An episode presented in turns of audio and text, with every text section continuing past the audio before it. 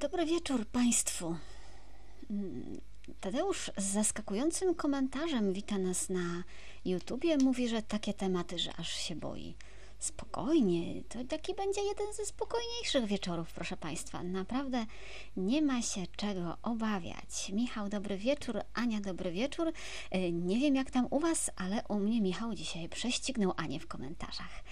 E, Agnieszka, e, Joanna, Marcin, miło Was wszystkich widzieć. Wioletta, e, muszę Wam powiedzieć, tak dokarmiam tutaj Melkę. Chodź, mysz, mysza. Wczoraj w trakcie programu takiego specjalnego dla patronów Mela dała popis swoich możliwości. Mm, Rozumiecie? Program specjalny, gość specjalny. Ja tu zapraszam świątobliwego ojca, zakonnika, proboszcza, żeby rozmawiać o takich no poważnych i ważnych dla nas tematach, to znaczy o parafii. Błagam, No chciałam Wam w każdym razie powiedzieć, że Mela w tych pięknych okolicznościach przyrody e, i z genialnym gościem po prostu wzięła i zwymiotowała na środku dywanu. Tak to wyglądało. Nie zna życia, kto e, nie pomieszkał kilka lat z kotem. Nie mam pojęcia, dlaczego nie mieliście obrazu. E, Ale w razie czego, to wiecie, podcastów też się dobrze słucha, nie? To mm, możecie się zająć, zająć czymś innym. Tutaj generalnie nie ma na co patrzeć. E, Posłuchać ewentualnie, jeżeli ktoś przychodzi tutaj, to chyba warto. Ok, rozkład jazdy na dziś. Chciałam jeszcze jedną rzecz powiedzieć. 148, e, za tydzień się spotykamy po raz 150. Nie będziemy każdej rocznicy obchodzić, ale tak zauważam tylko. E, Agata mówi, że gipsuje ściany w kuchni. E, Ktoś jeszcze mówił coś o kominkach. E, Ma- Marta będzie malować czopuch kominkowy. Dobrze, spędzajcie ten czas bardzo bardzo pracowicie od tego tu chodzi. Pani Antonia, ja się usprawiedliwiam, lampki nie ma, bo się bałam, że Mela będzie dzisiaj znowuż wymiotować. Dlaczego macie to oglądać? E, Rozkład jazdy na dziś e, będzie o tradycji. Wiem, że znów e, w kontekście tych zmian w liturgii chyba trzeba do tego tematu wracać. Będzie o czarownicach kontekstu się domyślacie, pociągnę ten temat dalej. E, I będzie trochę drobiazgów, czyli między innymi marginesy e, tekstu tego najnowszego o Dominikanach, trochę o Gwardii Uniwersyteckiej. E, Zobaczymy, na co nam czasu wystarczy. To jest program Reportaż z Wycinków Świata, Monika Białkowska. Zapraszam serdecznie. Wioletta sprząta pokój, Marcin buja córkę. Bawcie się dobrze. Wiem, że o tradycji już kiedyś mówiłam, mm, ale po pierwsze słuchacze się zmieniają i przychodzą wciąż nowi, co oczywiście cieszy mnie niezmiernie.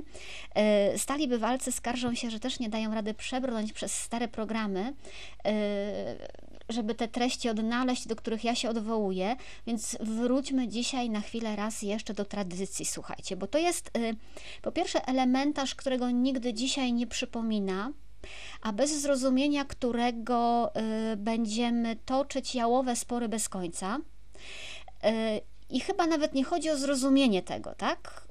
Bo zrozumieć można raz, a ja będę do pewnych rzeczy wracała, bo mam wrażenie, że jako ludzie wierzący to powinniśmy je mieć w krwiobiegu, że się nad tym nie trzeba zastanawiać, to po prostu się tymi kategoriami myśli.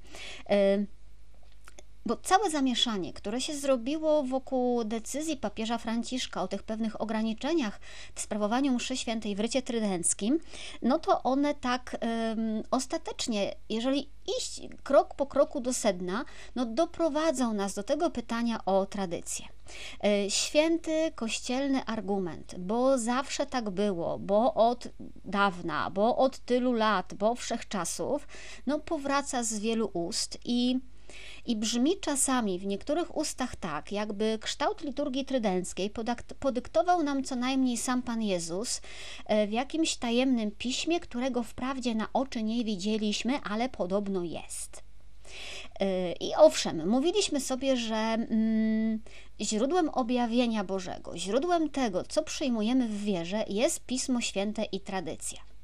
Jeżeli teraz czytać to językiem potocznym, łatwo jest uznać, że wszystko to, co było dawniej, jest niezmienne, no bo jest tradycją, no więc jest źródłem objawienia. E, tyle, że teologia, jak zresztą e, często inne nauki, no, zastawia na nas taką jedną pułapkę. To znaczy okazuje się, że słowo, które jest używane potocznie, wcale nie oznacza tego samego, co oznacza w języku nauki, w tym przypadku w języku teologii. Kiedy Kościół mówi o tradycji pisanej przez wielkie T, wcale nie ma na myśli żadnych zwyczajów, które się przez wieki ukształtowały i które mogą albo powinny być podtrzymywane, modyfikowane, albo są odrzucane. Ani trochę, w ogóle nie o tym mówimy. E, kiedy Kościół mówi o tradycji, e, no, pisanej przez wielkie T, no tego nie słychać, jak się mówi, nie? To ma na myśli pewien zbiór prawd, do których w zasadzie się nie da niczego dopisać, tak? To znaczy, my niczego specjalnie do tej tradycji Kościoła dołożyć, dodać i wpisać nie możemy. My możemy tę tradycję tylko na nowo odczytywać, ale ona jest, my ją dostaliśmy i za nią idziemy. Co więcej, liturgia trydencka, łacina w kościele, wiele nabożeństw, tym podobne historie ani trochę do tradycji nie należą. E, do tradycji należy to, upraszczając trochę, ale siłą rzeczy wiecie, że tu często upraszczam, e, do tradycji należy to, bez czego nie bylibyśmy chrześcijanami, czy bez czego nie bylibyśmy wręcz wprost katolikami. E, do tradycji należy ta istota wiary, taka sama w sobie, taka, gdyby się udało ją oddzielić od opakowania kontekstu czasów, albo ta istota, która w różnych czasach będzie dostawała różne opakowania, która będzie różnie realizowana, ale ten sens, to sedno pozostaje niezmienne. To jest ten rdzeń. Wiecie, jak tak patrzyłam na swojego sztucznego kwiatka, to jest taki rdzeń, ten drucik katolicyzmu, który będzie nadawał kształt naszej wierze, niezależnie od tego, czy w jednym wieku wokół tego druciku owiniemy, nie wiem, złotą wstążkę baroku, czy owiniemy wokół tego, tego druciku e, współczesny ekosznurek, tak? Mm, co w takim razie e, należy do tradycji? Najpierw trzeba by sobie powiedzieć, wiecie, y, jak powstawały Ewangelie. Y, ja już sobie zapisałam, żeby o tym kiedyś poopowiadać, jak one naprawdę powstawały, bo to jest też ważne, żeby tradycję zrozumieć. Y, na razie powiedzmy sobie tyle, co jest pozornie oczywiste. To znaczy, Jezus nie dyktował Ewangelii. No to myślę, wszystkie dzieci wiedzą. Nikt za Jezusem nie chodził z dyktafonem. Te pierwsze wspólnoty chrześcijańskie, które się gromadziły przez kilkadziesiąt lat po zmartwychwstaniu Jezusa, one nie znały żadnej Ewangelii zapisanej. Po prostu opowiadano sobie pewne historie, przekazywano je z ust do ust.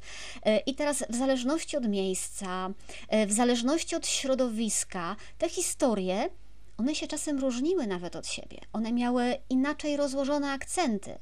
One nie miały takiego samego porządku i takiego samego układu. Nie było żadnego podręcznika. E, jeżeli uważnie zaczniecie czytać Ewangelię, tak jedno po drugiej w całości, to zobaczycie, że na przykład e, Mateusz cały ten świat kultury żydowskiej będzie traktował jako oczywisty. On tam niczego nie tłumaczy. Marek będzie wszystkie pojęcia z kultury żydowskiej tłumaczył, y, wyjaśniał. No to znaczy, że ta opowieść, potem nazwana Markową, opowiadana była w środowisku nieżydowskim, w którym trzeba było ten żydowski świat Jezusa wytłumaczyć y, o synoptykach, o różnicach, o tych różnych opowieściach, które się potem złożyły w Ewangelię, też sobie pewnie kiedyś powiemy. Na razie wystarczy tyle. Słuchajcie, mamy taki czas, że opowiadano. Opowiadano w kościele, opowiadano we wspólnocie. I teraz cała ta opowieść nazywała się tradycją apostolską. I ta tradycja apostolska, ona jest zdecydowanie starsza niż Nowy Testament. E, można wręcz powiedzieć, że Nowy Testament jest wtórny wobec tradycji, jest jej zapisem, jest zapisem tych opowieści. E, pierwsi chrześcijanie po prostu żyli i wierzyli tak, jak mówili im apostołowie, a potem to nauczanie apostołów spisali. Tyle, że w Piśmie Świętym nie spisano wszystkiego. To znaczy, zapisano życie Jezusa. E, no, nie zapisano siłą rzeczy wszystkich jego słów, tak? No bo gdyby się okazało, że to są spisane wszystkie jego słowa, e, no to byłby wyjątkowo małomównym człowiekiem, nie? Nie spisywano wszystkiego tego, jak żył pierwszy kościół, nie spisywano, jak organizowana była wspólnota, nie spisywano, jak udzielać sakramentów, chociaż wiemy, że, że one były tam udzielane. Mm, bardzo mi się podobało taki ewangelicki pastor y, Teurer, Andreas Teurer, krótko zanim się nawrócił na katolicyzm, napisał o tym, jak się ma tradycja do wiary i tradycja do Pisma Świętego. No on to wtedy jako wtedy protestant odkrywał dla siebie w katolicyzmie i miał całkiem fajne skojarzenia, bo napisał, że Nowy Testament to jest jak album fotograficzny babci, w którym jest pełno zdjęć ale on ze swojej perspektywy wielu tych zdjęć już nie rozumie, bez opisów i bez wyjaśnień babci. I według niego Nowy Testament to jest właśnie taki album, w którym uwieczniono te ważne momenty z życia Jezusa i z życia pierwszych chrześcijan, ale dopiero tradycja, czyli ta opowieść towarzysząca temu daje nam wiedzę, która pozwala te konkretne zdjęcia rozumieć, tak? czyli pokazuje sens tych wydarzeń. Yy, i ten sens pokazują nam, i to jest ważne, i to buduje nasze zaufanie, nieprzypadkowi ludzie. E, to znaczy, świadkowie tamtych wydarzeń to robią, dlatego im ufamy. E, ktoś, o kim wiemy na pewno, że nie zinterpretuje tych wydarzeń inaczej niż tak, jak wyglądały one naprawdę. Mm tradycja, co słuchajcie, nie będzie w takim razie jakaś oddzielna prawda, jakiś zbiór prawd, który można oderwać od Pisma Świętego. To jest raczej sposób rozumienia Pisma Świętego. Jeżeli ktoś próbowałby Pismo Święte czytać poza tradycją, no to jest takie ryzyko, że wyczyta z niego to, co zechce, nie? Bo będzie interpretował po swojemu, może to zrobić wbrew historii, wbrew hermeneutyce, wbrew intencjom autorów. No można, no da się tak czytać, tylko po co? I teraz, co się zalicza mm, w takim razie do tej tradycji? No to wszystko, co się wywodzi od apostołów, a nie zostało w Piśmie Świętym zapisane. Na przykład, do tradycji będzie się zaliczał kanon Pisma Świętego. Wiemy dziś, jakie księgi do niego należą, nikt nad tym nie dyskutuje, a przecież w żadnej Ewangelii, w żadnym piśmie Nowego Testamentu nie ma listy ksiąg natchnionych. A wiemy, a jesteśmy tego pewni. E, do tradycji, takiej, która nie była zapisana od samego początku, będzie, będą należały niektóre fragmenty credo, wyznania wiary. E, są niezmienne, są od początku, a nie wszystko w Ewangeliach znajdziemy. Ale to są też drobiazgi, nie? jak to, że, e, że jest taki okres liturgiczny, gdzie pościmy albo że nie śpiewamy Aleluja. To są detale, ale też do tradycji, i to jest trochę trudniejsze, należą, należą dogmaty. Tutaj Dawid je podrzuca. Mówiłam, że do tradycji nie można niczego dodać. Y, dogmat dlatego w ogóle może być dogmatem wiary, że on nie jest wymyślony na nowo, że jest odczytywaniem jakiejś prawdy, która w kościele była od zawsze, wierzący byli co do tego przekonani, ale ona nie była jasno sformułowana i zapisana. I w ten sposób rodzi się dogmat. To nie jest tak, że papież, e, nie wiem, Franciszek albo następny za chwilę wpadnie na pomysł i napisze nam dogmat o y, nieomylności prefekta kongregacji nauki wiary, tak? E, a my będziemy musieli w to zacząć wierzyć. Nie ma czegoś takiego. Dogmat może być ogłoszony tylko wtedy, jeżeli jesteśmy w stanie wykazać, że, że taka była wiara Kościoła od początku, tylko nikt tego jasno nie zapisał jako, jako dogmatu. Mm. Lidia pyta, czy od zawsze byłam po łacinie. No ależ skąd, ależ skąd? Absolutnie nie. Po co jest nam ta tradycja? Yy, tradycja jest po to, żeby każde pokolenie nie wymyślało wiary od nowa żeby nie musiało wymyślać i żeby nie przyszło jemu do głowy wymyślać czegoś takiego.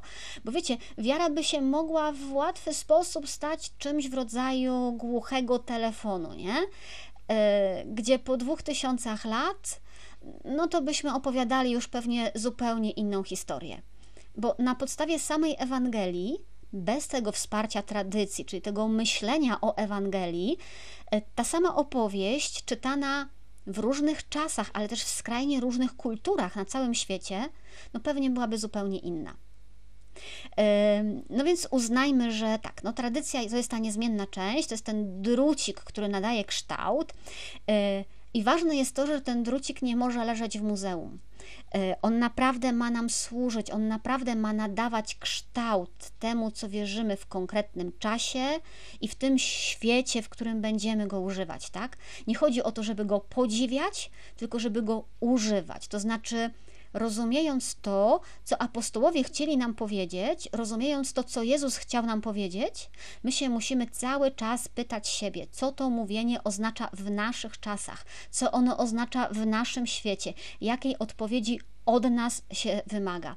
Nie jak odpowiadali nasi przodkowie na to jak my dzisiaj w naszych okolicznościach mamy odpowiedzieć. Nie, nie o to chodzi, żebyśmy się zachwycali, jaka była piękna ich odpowiedź ale kombinować, jak my mamy odpowiedzieć y, tu i teraz. No, oprócz tego będą oczywiście te tradycje pisane przez małe T to jest to wszystko, tymi tradycjami małymi będzie to wszystko, w co ten drucik przez całe wieki był ubierany, tak? Czym był owijany.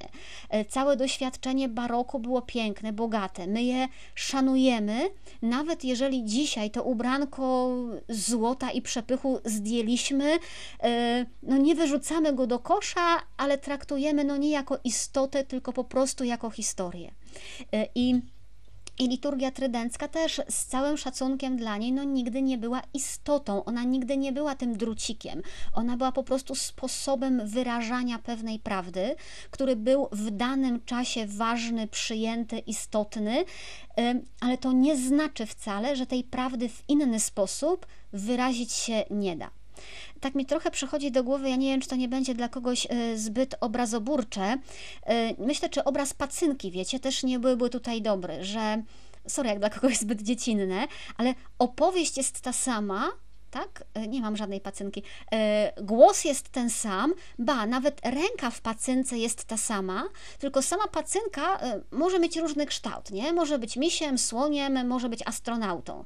Ale jeżeli przychodzimy posłuchać opowieści, no to nie, nie, nie po to, żeby dyskutować o kształcie i formie pacynki. I ta tradycja w kościele, ta przez wielkie T, to jest właśnie ta opowieść nie wiem czy ręka, nie chcę mieć teraz szukać e, kolejnych analogii obrazków, czym byłaby ta ręka, e, ale te wszystkie tradycje, przez małe te obrzędy, sztuka, reguły zakonne, podziały administracyjne, to wszystko jest tą pacynką, to jest tym z zewnątrz i ona może się zmieniać i ona musi się zmieniać, tak? Żeby trafić do odpowiedniej widowni, żeby ta treść przekazywana, ta opowieść była zrozumiała dla odbiorcy. A sama pacynka nie jest treścią. E, pacynka jest tylko na służbie pewnej prawdy, jest na służbie opowieści. Tylko, że biedny jest ten, kto uwierzy, że to właśnie kiedy bierzemy tego, tego, tą pacynkę na rękę i nią mówimy, to jeżeli uwierzę, że to właśnie to na zewnątrz to jest cała istota, że to, to ta istota do niego mówi, tak? E, biedny jest ten, kto podpisze Boga samego pod wszystkimi drobnymi zwyczajami, które były przez wieki. Bo jak go podpisze pod wszystkim, to tego prawdziwego Boga tak naprawdę gdzieś, e, gdzieś przegapi. Mm. Dlatego powiem Wam, że dla mnie cały ten spór o liturgię trydencką jest trudny, bo naprawdę rozumiem takie zwyczajne ludzkie przywiązania, tak, że komuś było tam dobrze, że się tam realizował, y, super, ale, ale dziwne jest, jeżeli ktoś teraz reaguje i mówi, y, skoro zabieracie nam tę pacynkę, tę konkretną formę zewnętrzną, to ja już nie chcę słuchać tej opowieści. Y, to ja wolę odejść z tą pustą pacynką, niż, niż słuchać dalej opowieści opowiadanej przez, przez coś, co na zewnątrz jest tylko inne, tak? Jeżeli ktoś tak zrobi, no to zostanie z tą pacynką, tak? Z tą szmatką, która już nie będzie miała ręki, nie będzie miała głosu, nie będzie miała opowieści, która będzie pusta i nie ma. I, i szkoda, szkoda by było, po prostu. Mm. Dobra, drugi temat na dziś, słuchajcie, luźniejszy i wakacyjny ale inspirujący, to będą czarownice. E, jak wiecie, małe Miłakowo na Mazurach wywołało prawdziwą burzę. E, lokalne artystki, panie z Olsztyna, Mm, no ale też kobiety, które jednocześnie mówią o sobie, że chcą się wspierać. E, kobiety, które mówią, że ważne jest to, co kobieta ma w środku, a nie na zewnątrz. Kobiety, które które wiedzą i mówią o tym wprost, że często y, kobieta, która na zewnątrz się uśmiecha i która wygląda tak, jakby sobie świetnie radziła, w środku jest poraniona, słaba i potrzebuje pomocy i potrzebuje wsparcia. E, mówią o tym, że e, bardzo często nosimy maski, żeby ukryć swój ból, żeby ukryć swoją bezradność, że nie chcemy ich pokazać i że potrzeba po prostu czyjejś dobrej dłoni, żeby te maski spadły i żeby przyszła ulga. E, to jest mniej więcej filozofia, która towarzyszy tej grupie artystycznej, która się nazywa Wiedźmuchy. która wywołała tą burzę, albo inaczej reakcja na nie wywołała burzę. E, no, ich całe wiedźmiństwo pomaga, opiera się właśnie na tym, tak, że chcą tę swoją siłę, taką zwyczajną babską siłę, panie wiecie o co chodzi, nie? jak tego potrzebujemy, e, przekazywać innym. E, co więcej, to nie jest żadna nowa grupa. W internecie można znaleźć informacje o tej grupie nawet sprzed kilku lat. Widzowie, którzy oglądali ich spektakle, mówią, że te działania pogłębiają w nich taką chęć pomagania innym, że po, inspirują ich do tego, żeby się rozejrzeli wokół wokół e, i zobaczyli, że ktoś obok zwyczajnie potrzebuje wsparcia, nawet jeżeli ukrywa to, że potrzebuje wsparcia. No więc wydaje się, że no można, nie, nie, bardzo jest się do czego przyczepić, no ale żyjemy w Polsce. E, Anno Domini 2021. Tutaj nic, proszę Państwa, nie jest proste i oczywiste. E, akcja katolicka z Miłakowa, gdzie owe wiedźmuchy występowały, napisała protest. W proteście napisano, że y, propagują okultyzm i satanizm. One się rzeczywiście przebierają za wiedźmy, po prostu. Y, miejscowy radny, no nie będziemy mówili z jakiego ugrupowania, wszyscy to wiemy, to jest oczywiste, mocno podchwycił temat. Mówi, że jest wyczulony na łamanie uczuć religijnych, według skarżących i tańce i śpiewy tych wiedźmów przywołują kult satanistyczny, no i że to jest podprogowe promowanie wartości pogańskich. Swoją drogą ciekawe, skąd członkowie akcji katolickiej z Miłakowa tak dobrze znają się na obrzędach satanistycznych. Mm, jak głęboko wierzą w moc wartości pogańskich, E, które zdołały przetrwać tysiąc lat chrystianizacji i tak nadal żywo zagrażają ich wierze. Ale dobra, nie chcę być złośliwa, bo, bo znowu przesadzę. E, sprawa została na razie odłożona na koniec e, sezonu urlopowego. Ja mam tutaj do powiedzenia dwie rzeczy, słuchajcie. Mm, pierwsza jest taka. Chrześcijaninie drogi, Zajmij się swoją wiarą, a nie cudzym brakiem wiary. To taka moja prośba, nie? Bo co ja mogę? E, cudzy brak wiary naprawdę w niczym ci nie zagraża. Jeżeli coś ci zagraża, to zagraża ci twoje własne serce. Zajmij się swoją wiarą. A jak już naprawdę będziesz wierzył, to ci niewierzący sami do ciebie przyjdą. Przyjdą zapytać cię, skąd to masz. A jeżeli nie przychodzą i nie pytają, no to znaczy tylko tyle, że masz jeszcze sporo do zrobienia w tej kwestii. W kwestii swojej i swojego serca. Amen. E, a druga rzecz, słuchajcie, to już na marginesie, ale też dlatego będzie dłużej, długi margines, że mnie te opowieści czarownicowe po prostu bardzo kręcą. Ksiądz Artur Stopka pytał u siebie na Facebooku, czy w tym Miłakowie, co oni zamierzają tam zrobić z nimi, jak już je zidentyfikują i oskarżą, e, czy będą je pławić tam w tych pobliskich jeziorach, jak to się robiło. No, może zaczniemy rzeczywiście, e, Małgorzata pyta, e, odbudowywać stosy, dopóki, mm, dopóki jeszcze ktoś pamięta, jak w ogóle takie stosy się buduje. Opowiem Wam, słuchajcie, o czarownicach i o stosach również dlatego, że nieopodal, nieopodal stąd, nieopodal Gniezna, w Kiszkowie, znaczy tuż obok Kiszkowa, żyły takie czarownice e, spalone w 1761 roku, a potem za ich śmierć trzeba się było kajać, przepraszać i zadośćuczynić. Dzisiaj oczywiście już się nie mówi o nich jako o czarownicach, mówi się o zielarkach z Gorzuchowa. To są jedne z ostatnich czarownic spalonych na ziemiach polskich. Chciałoby się dodać ostatnich aż dotąd, ale ja się ostatnio boję żartować, bo wiecie, jak się kończą takie żarty. Mm, właścicielami Gorzuchowa, słuchajcie, w tamtym czasie byli bracia Jan i Tomasz Szeliscy. No i to właśnie oni oskarżyli 10 kobiet, które mieszkały w ich majątku o czary. Yy, najmłodsza swoją drogą miała 13 lat. Czym się naraziły kobiety panom? Chciałoby się powiedzieć, że wiadomo. To znaczy, w tym przypadku do końca nie wiadomo, mm, no ale łatwo się spodziewać, tak? Znaczy, podobno na ich widok spłoszył się koń pana Szeliskiego, to znaczy ani chybi wiedźma, nie?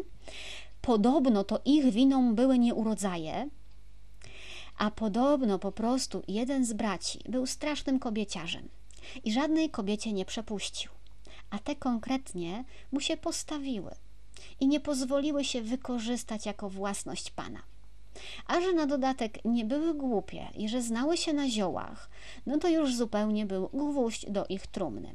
Ani chybi czarownice, prawda?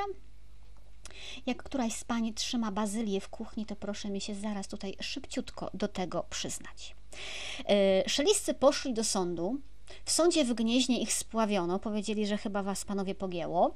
E, w sądzie w Pobiedziskach też nikt szeliskich nie potraktował poważnie, e, no ale to mm, dumnych mężczyzn tylko wkurzyło i się zaparli, że nie popuszczą. Poszli do trzeciego sądu w Małym Kiszkowie. Tam przesłuchano świadków, e, a że one za nic się do winy nie przyznawały, no to rozpoczęto standardową procedurę wydobywania oczekiwanych zeznań, czyli tortury. Po trzech seriach takich tortur kobiety przyznały się do wszystkiego. Również do tego, że są w związku z diabłem i że chodzą na łysą górę, że kradły Najświętszy Sakrament, że go rozrzucały po chlewach, że robiły czary ze żmi w ogóle wszystko, co tylko wymyślono i do czego kazano im się przyznać. E, powiemy sobie jeszcze o metodach przesłuchań, ale obstawiam, że, e, że wielu z nas po takim rachunku sumienia z tych tortur e, powie, że też do wszystkiego by się przyznał, byle tylko skończyć to wariactwo. Mm. Wyrok był jasny. Wszystkie kobiety skazano na śmierć ogniową, czyli przez spalenie na stosie. Przypomnę, 13-letnia dziewczynka. Mm, I żeby nie było, proszę Państwa, bo to jest rzecz, którą trzeba tutaj wyprostować, Kościół ani z oskarżeniem, ani z wyrokiem, ani z jego wykonaniem nie miał tu absolutnie nic wspólnego. Przeciwnie, nawet w tej sytuacji proboszcz z Kłecka, kiedy się dowiedział o tym, o co chodzi, yy, chciał zapobiec wykonaniu egzekucji, yy, no niestety zbieg okoliczności sprawił, że nie zdążył dojechać na miejsce, przyjechał po prostu, kiedy było już za późno. Miejsce śmierci tych kobiet nazwano Kuś. Opowiadano potem, że działy się tam dziwne rzeczy, że y, traktory się tam zawsze psują, że pojawia się postać w białej szacie. Takie dosyć typowe historyjki, zawsze znane z takich tajemniczych miejsc. Potem posadzono wokół tego miejsca taki krąg z dziesięciu sosen. W tej chwili chyba siedem z nich przetrwało. Dzisiaj jest tam, jest tam też tablica pamiątkowa, poświęcona zresztą przez księdza proboszcza. E, dziesięć głazów upamiętniających te kobiety e, i przy drodze figura tej najmłodszej, trzynastoletniej e, zielarki. Tutaj panie widzę, zdają rachunek z hodowanych ziół. Uważajcie, uważajcie, bo jak to dalej pójdzie, to te zioła będą musiały zejść do podziemia. Niebezpieczna wiedza. Mm. Jak w ogóle było z tymi polowaniami na czarownice? No, zaczęło się od Barbary Bishop e, w miasteczku Salem w Nowej Anglii 10 czerwca 1692 roku. Barbara e, została skazana na śmierć, ale ona zginęła jeszcze na szubienicy. Tego samego dnia zresztą we wsi Falmierowo w Wielkopolsce skazane przez sąd w Łobrzenicy spłonęły na stosie cztery kobiety. E, kiedy ten proces się zaczynał, te cztery kobiety nie miały sobie nic do zarzucenia. Kiedy proces się skończył, to one same wierzyły już, że jest w nich diabeł i że znajdują się pod jego wpływem. Taki typowy i niestety dosyć żywy, mam wrażenie, do dzisiaj mechanizm nadużyć na tle religijnym, tylko że wtedy kończyło się to ogniem. E, płomienie na ich stosie były podsycane mokrym chrustem, żeby śmierć trwała dłużej i żeby bardziej bolała. Oczywiście, zanim zapadł e, wyrok, kobiety zostały poddane tej próbie pławienia. Jeżeli utoną, to były niewinne. Jeżeli się utrzymają na wodzie, ani chybi czarownica. Te się utrzymały na powierzchni, wprawdzie twierdziły, że to kat na sznurku je pod, podciągał do góry, no były przywiązane, żeby nie uciekły w pław, no ale kto by wierzył czarownicom, prawda? Emilia mnie zażyła. To będzie ważny dylemat dla naszej przyszłości. Czy hodowanie ziółek jest bliższe byciu czarownicą, czy bliższe ugruntowaniu cnotom cud niewieścich?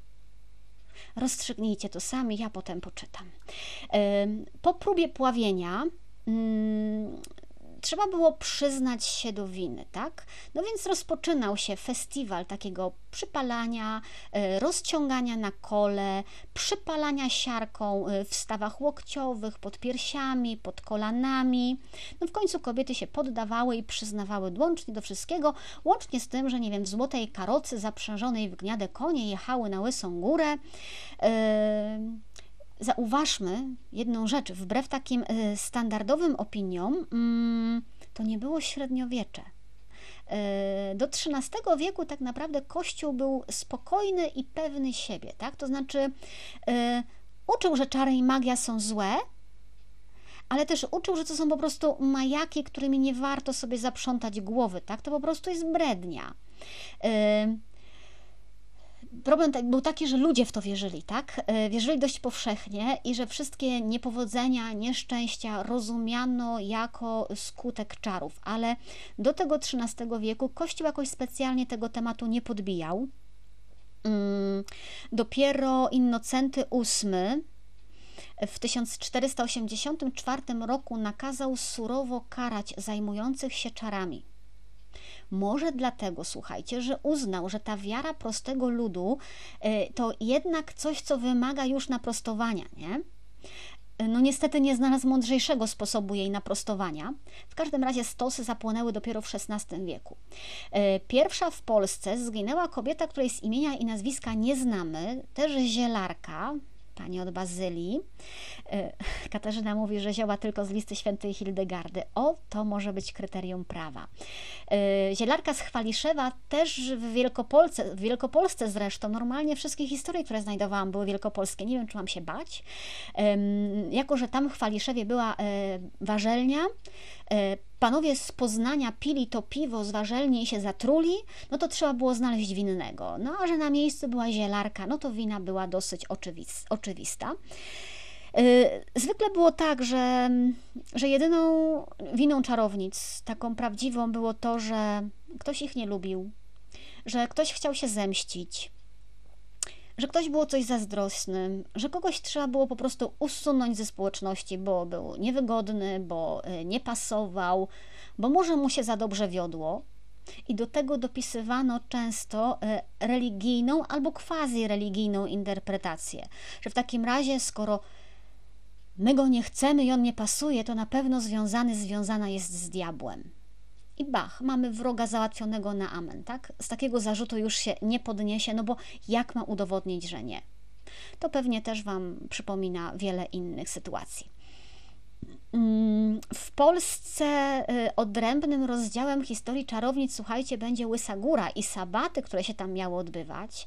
Y, kobiety ponoć latały tam na miotłach albo jechały w karetach właśnie zaprzężonych w konie albo w kozły, żeby tak było dramatycznie i po diabelsku. Y, czasem te biedne chodziły pieszo, no a na imprezie już na Łysej Górze wiadomo co się robiło, tam się tańczyło, piło i uprawiało seks. E, w Polsce ta historia polskich czarownic była trochę krótsza niż, niż w Europie. Może w niektórych z tego powodu został niedosyt, no i teraz próbują to sobie nadrabiać. E, stosy zapłonęły dosyć późno, e, wcale nie płonęło ich tutaj najwięcej. Patrzono na to dosyć niechętnie. To wcale nie Kościół katolicki był takim prowodyrem tych stosów, tylko, tylko protestanci. E, w 1776 roku zakazano w Polsce skazywania na czary, skazywania na śmierć za czary i stosowania tortur. No oczywiście, że zakaz taki nie zadziałał natychmiast, bo nie mógł zadziałać działać, chociaż potem władze pruskie już mocno z tymi pomysłami stosów walczyły. Ostatnią Aleksandra, ja nie wiem, czy bym się przyznawała.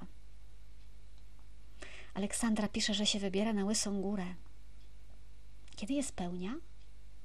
E, ostatnią polską czarownicą spaloną na stosie była Barbara Zdung z Reszla. E, ona była oskarżona w zasadzie o podpalenie miasta, ale też podobno o czary. Tutaj historycy już nie będą zgodni.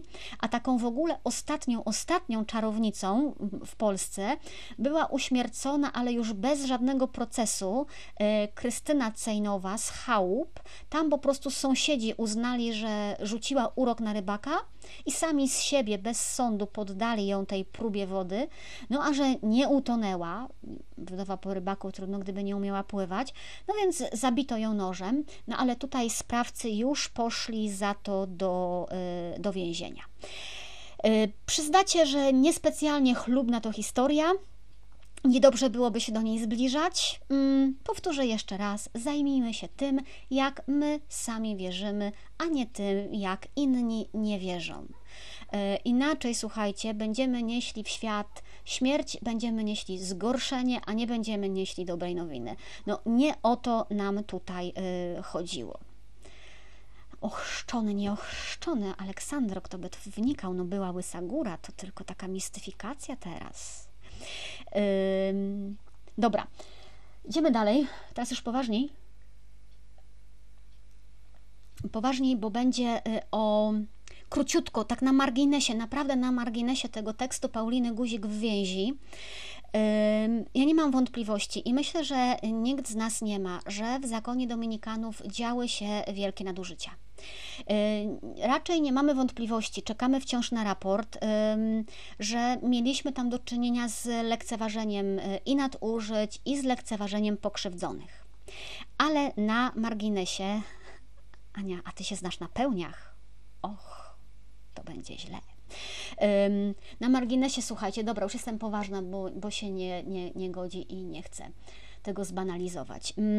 Na marginesie tego tekstu chciałam zauważyć, że e, ja nie jestem jeszcze gotowa, żeby o tym mówić i pisać, e, ale tak jest, że to, co w tej chwili słyszymy, to jest wierzchołek góry lodowej.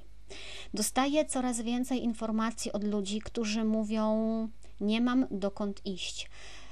Y, zostałem skrzywdzony, zostałem wykorzystany na tle religijnym, nie przez Dominikanów, ale nie byłem nieletni, ale nie doszło do seksu.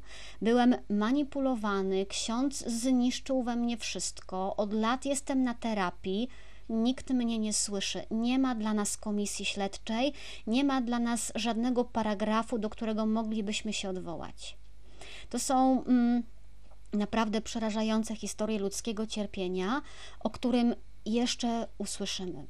E, ta historia dopiero się zaczyna i to nie jest tak, że ja tutaj bronię Dominikanów, bo nie bronię, ale mówię o tym, żeby w tej całej furii nie przeoczyć drobnego faktu, że to się działo wszędzie, a nie tylko tam.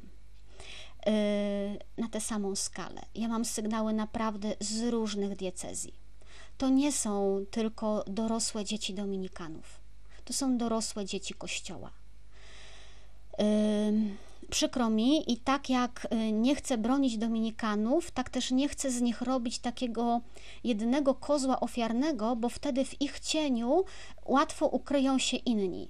Yy, łatwo ukryją się ci sprawcy psychicznych, psychoreligijnych nadużyć, którzy Dominikanami nie są. To nie jest takie proste. E, a wyjaśnić chciałam, słuchajcie, jedną rzecz e, bo to jest dla mnie tak, wiecie, tak teologicznie i porządkowo ciekawe. Jeden z widzów napisał w komentarzu na profilu, cyta, cytując, fragment, yy, cytując fragment tego artykułu, Weronika przypomina historię swojej rozmowy telefonicznej z prowincjałem kozackim, który zadzwonił z pytaniem, czy na pewno zostałam zgwałcona w kaplicy, bo chcielibyśmy ją na nowo poświęcić. I komentuje słuchacz, to jest szczyt. Yy... Ojciec Kozacki to tam też próbował tłumaczyć dzisiaj w tekście w więzi, ale yy, wiecie, zrobiło mi się przykro, bo sobie uświadomiłam, że czasem my, dziennikarze, piszemy coś, co dla nas jest oczywiste i co dla nas jest zrozumiałe, i nie zawsze jesteśmy w stanie przewidzieć, jakie emocje może to wywołać u ludzi, którzy mają inną wiedzę yy, i daną historię rozumieją innymi swoimi kryteriami. I to jest dla mnie taki przykład. E, ja naprawdę ufam, że nikt tą historią y, z poświęceniem ponownie kaplicy nie zagrał na podkręcenie emocji, że to po prostu tak wyszło, tak? Ale mimo wszystko chciałabym, chciałabym to wyjaśnić. Posłuchajcie takiej historii dosyć starej. Wieczór Warszawy z 1947 roku donosił. Po raz pierwszy w dziejach profanacja Bazyliki Świętego Piotra Włoch popełnił samobójstwo. Cytuję tekst. Bazylika Świętego Piotra została wczoraj zamknięta na cztery godziny dla wiernych, ponieważ pewien młody Włoch popełnił tam samobójstwo. Jest to wypadek bez precedensu w historii wiecznego miasta. E, w godzinach rannych wierni zgromadzeni w bazylice usłyszeli nagle strzał i zauważyli, jak jeden z mężczyzn, młodych Włoch, zachwiał się, wypuścił rewolwer z ręki i upadł na posadzkę. Obecny w kościele lekarz udzielił nieszczęśliwemu pierwszej, pierwszej pomocy, lecz była ona właściwie beznadziejna. Po kilku minutach samobójca nie żył. Natychmiast po samobójstwie wierni zostali usunięci z bazyliki, a biskup dokonał rekonsekracji zgodnie ze zwyczajami liturgicznymi. Dopiero po czterech godzinach bazylika została ponownie otwarta. Najbardziej tajemniczym jest fakt, że Toardi, ten Włoch, popełnił samobójstwo właśnie w Bazylice Świętego Piotra. Nie wiadomo, czy mogłoby mu zależeć na zbezczeszczeniu kościoła, tym bardziej, że sam był, jak wykazały dokumenty, katolikiem. Mm. W 1938 roku w Luboniu, ja pisałam o tym w przewodniku katolickim ostatnio, zamordowany został w kościele w czasie mszy świętej. Tamten, tam, tamtejszy proboszcz, e, ksiądz Stanisław Sztrajch. E, właśnie trwa jego proces beatyfikacyjny. E, kiedy tam padły strzały, ludzie się rzucili na zamachowca, wyprowadzili go z kościoła, kościół natychmiast zamknięto, e, został w nim tylko wikariusz, organista, no i ciało księdza proboszcza. E, wikariusz udzielił jeszcze sakramentów, to taki był myk przedsoborowy, że niekoniecznie żywemu, ale zaraz potem zabrał z kościoła Najświętszy Sakrament i przewiózł go do pobliskiego Żabikowa, że ten Najświętszy Sakrament nie mógł zostać w tym miejscu, bo przez morderstwo Kościół został sprofanowany. Potem go trzeba było konsekrować. E, obecnie po 1983 roku kodeks prawa kanonicznego, kanon 1211, e, mówi, że miejsca święte zostają zbezczeszczone przez dokonanie w nich czynności niesprawiedliwych, połączonych ze zgorszeniem wiernych, co Zdaniem ordynariusza miejsca jest tak poważne i przeciwne świętości miejsca, iż nie godzi się w nich sprawować kultu, dopóki zniewaga nie zostanie naprawiona przez obrzęd pokutny zgodnie z przepisami ksiąg liturgicznych. I teraz zobaczcie, prowincjał zakonu jest w randze biskupa. Mm, to on decyduje, czy rzecz, która się dokonała, jest tak wielka, jest tak wielką winą wobec człowieka i wobec Boga, że, że doszło do profanacji wręcz miejsca. E, I więcej, e, to jedno nie wyklucza drugiego, tak? Ta troska, e, pytanie o miejsce, o Boga, to nie jest pytanie przeciwne albo zamiast pytania o człowieka. Wiecie, pytanie o to, czy to miejsce zostało zbezczeszczone, jest tak naprawdę przyznaniem ogromnej rangi krzywdzie, która się stała człowiekowi. Bo jeżeli ksiądz w kościele e, przez przypadek nadepnie ministrantowi na stopę, to nawet jeżeli jest wielki, ciężki i gruby i temu ministrantowi stopę złamie, to nikt nie będzie nawet pytał o ponowne poświęcenie tego miejsca. A tam wydarzył się taki dramat, że nie można nie zapytać, czy nasza modlitwa w tym miejscu nie jest obrażaniem Boga. Czy mamy prawo, jak gdyby nigdy nic, stać w tym miejscu i Boga chwalić. Yy, wiecie, yy, jeżeli ktoś zaczyna mówić wśród dominikanów o ponownym poświęceniu kaplicy, to dla mnie jest to takie przyznanie, nie mamy prawa tam się modlić. Y, musimy zadośćuczynić również Bogu. Nie zamiast zadośćuczynić człowiekowi, ale ze względu na człowieka, ze względu na to, że człowiekowi stała się tutaj ogromna krzywda. I prowincjał, i biskup, to oni są za to odpowiedzialni, żeby nie sprawować kultu w miejscach niegodnych, w miejscach, które są skażone jakąś wielką obrazą Boga. Bo w tej krzywdzie człowieka obrażony został również Bóg. Bóg był w tym skrzywdzonym człowieku. I dla mnie to nie jest gest obojętności. To jest taki gest przyznania, że Bóg jest po stronie ofiary. I my tę ofiarę e, i Boga w tej ofierze podeptaliśmy. Dla mnie to jest gest pokazujący całą grozę sytuacji, jaka tam się wydarzyła. Nie chcę, żebyśmy tutaj myśleli jakimiś kategoriami, słuchajcie, ślepej furii, która wszystko, co niezrozumiałe, będzie czytało jako argument przeciwko drugiej stronie. I nie chciałabym też, żebyśmy myśleli taką, no dla mnie chorą alternatywą, że jeżeli ktoś pyta o Boga, to znaczy, że na pewno ignoruje krzywdę człowieka. E, to znaczy, wiecie, każdy z nas bierze swoje myślenie, swoje uczucia na, na swoje sumienie. Ja po prostu w takie myślenie nie chcę wchodzić. Jeżeli nie rozumiem, to najpierw sprawdzam, dlaczego tak. A z win, które innym zarzucam, e, wolę zarzucać te, które są naprawdę realną winą, realnym zaniedbaniem, a nie jakimś moim wydaje się. A tam naprawdę są realne winy i o nich rozmawiajmy i się nie rozdrabniajmy na tysiące drobnych ciosów, które po prostu często lecą, y, lecą w kosmos. Y,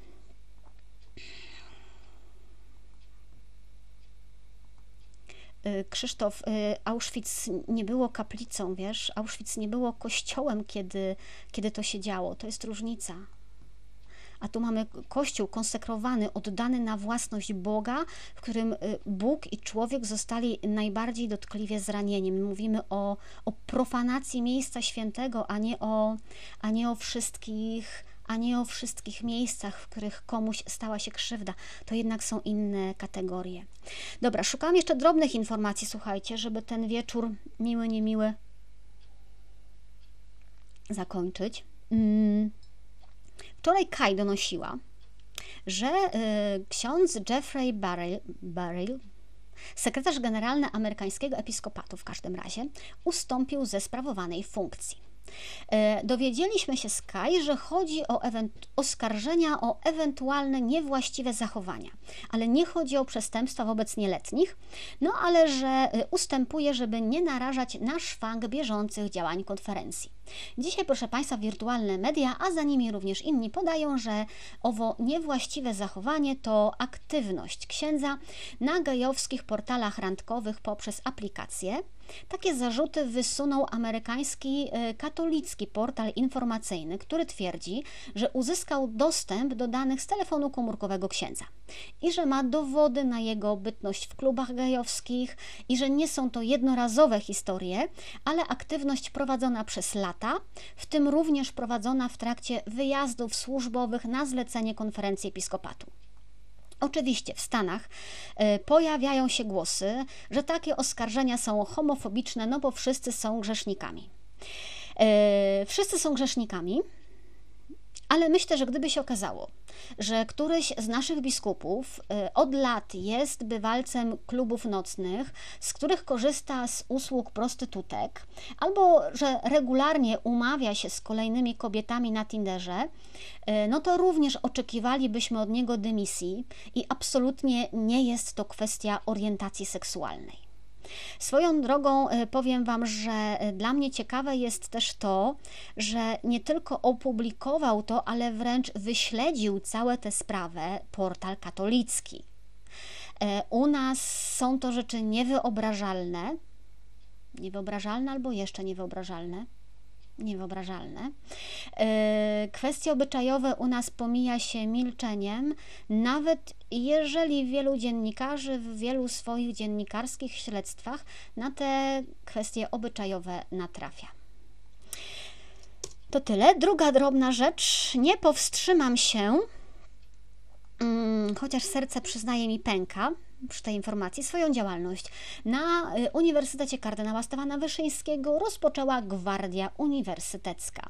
Jest to pierwsza tego typu jednostka w Polsce. Do zadań Gwardii Uniwersyteckiej będzie należało, czytam, utrzymanie porządku w obiektach i na terenie uniwersytetu, dbałość o bezpieczeństwo wspólnoty akademickiej, ochrona uczestników wydarzeń e, uczelnianych oraz współpraca ze służbami technicznymi. Członkowie gwardii będą przeprowadzać szkolenia z zakresu bezpieczeństwa dla pracowników UKSW oraz zajmą się organizacją praktyk dla studentów uczelni. Nadzór nad gwardią będzie sprawował komendant który jest bezpośrednim przełożonym wszystkich gwardzistów. Ta gwardia liczy 40, ponad 40 osób, należą do niej i kobiety, i mężczyźni. Uniwersytet przy okazji ogłosił też taki konkurs ofertowy, przedstawia tam czego potrzebuje, jakiego umundurowania, e, furażerka, pas prezentowy, kurtka ćwiczebna, pantofle galowe, buty ćwiczebne, no i opracowanie wzoru i dokumentacji technologicznej i munduru wyjściowego i płaszcza całorocznego i munduru ćwiczebnego. Spędziłam na tej uczelni w sumie z 10 lat, proszę Państwa. Zaczynałam w trudnych warunkach, kiedy y, kampusu y, na Devitis nie było, kiedy zajęcia mieliśmy w barakach na Wójcickiego, które swoją drogą z sentymentem wspominam, ale jeść nie było tam co poza jednym marketem. E, a jak się jechało na Devitis, to w ogóle trzeba było zabierać ze sobą prowiant, bo tam w promieniu 10 kilometrów nie było gdzie kupić nawet sobie suchej bułki. Ja nie wiem, jak my sobie daliśmy radę bez gwardii. E, jak my przetrwaliśmy to chodzenie przez las, a potem to mieszanie się z tą tłuszczą studencką, gdzie na każdym rogu, rozumiecie, ktoś chce cię zadźgać nożem, zgwałcić i okraść, nie? Jak sobie inne uczelnie radzą bez gwardii? Od tylu dziesiątek lat, od setek lat niektóre? Ja wiem, że to jest dramatyczne pytanie, ale teraz z UKSW moja szacowna alma mater y, właśnie znalazła remedium i pójdzie pierwsza takim świetlist, świetlistym szlakiem prowadzona przez Gwardię Uniwersytecką. Y, tak serio, to mam niestety wrażenie, słuchajcie, że gromada Przepraszam, tak to wygląda, będę brutalna. Gromada niedojrzałych panów spełnia jakieś swoje chore fantazje o patrzeniu na innych panów albo panie w mundurach, o przebierankach i w ogóle o jakiejś y, potędze ukrytej w kostiumie, w kolejnym kostiumie po sutannie, tak? I patrzę na to z zażenowaniem, zażenowaniem. Mam ochotę powiedzieć: przestańcie się wygłupiać, weźcie się do pracy. Kościół tonie. Teologia leży i kwiczy, a wy spędzacie wieczory wpatrzeni w projekty mundurów, bo któryś z nich trzeba wybrać. Serio. Dość. Um,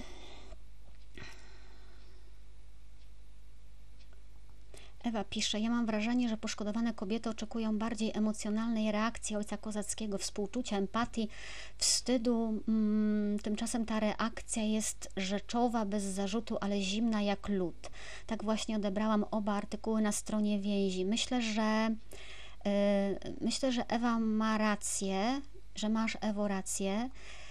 Yy, no właśnie, tylko jest pytanie też, wiecie, w tym wszystkim o przepraszam ojcze, jeżeli słuchasz, o takie osobowe kompetencje, o kompetencje charakterologiczne, o to, jaką my mamy w sobie naturalną zdolność do takich rozmów, nie? Y, I, I ja wiem, że nie każdy to potrafi.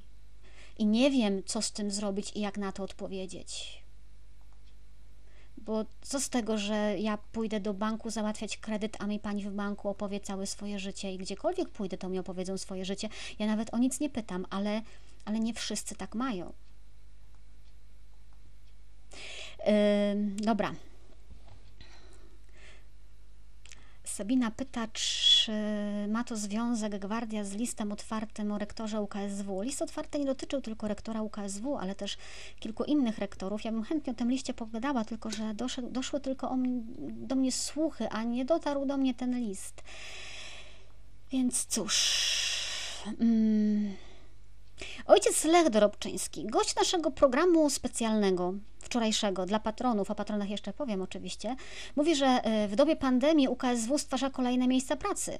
Projektanci, stół jurorski, gwardziści, gwardzistki, szlachetne, złośliwe, Dobra, y, przypominam kochani, że y, nadal można dołączyć oczywiście do tego elitarnego grona patronów programu. Ja serdecznie zapraszam, bo robimy też programy specjalne dla patronów z takimi gośćmi jak ojciec Lech na przykład.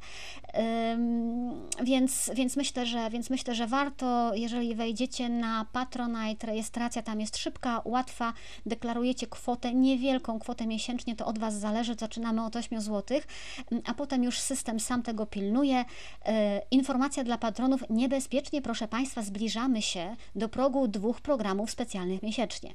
To mi dopiero roboty dowalicie, ale i tak Was kocham. E, przypominam wszystkim o lajkach, o udostępnieniach, o serduszkach. Coś chciałam Wam tutaj kliknąć, tylko źle tak to muszę przesłać. E, Sabina, poproszę, możesz mi przesłać.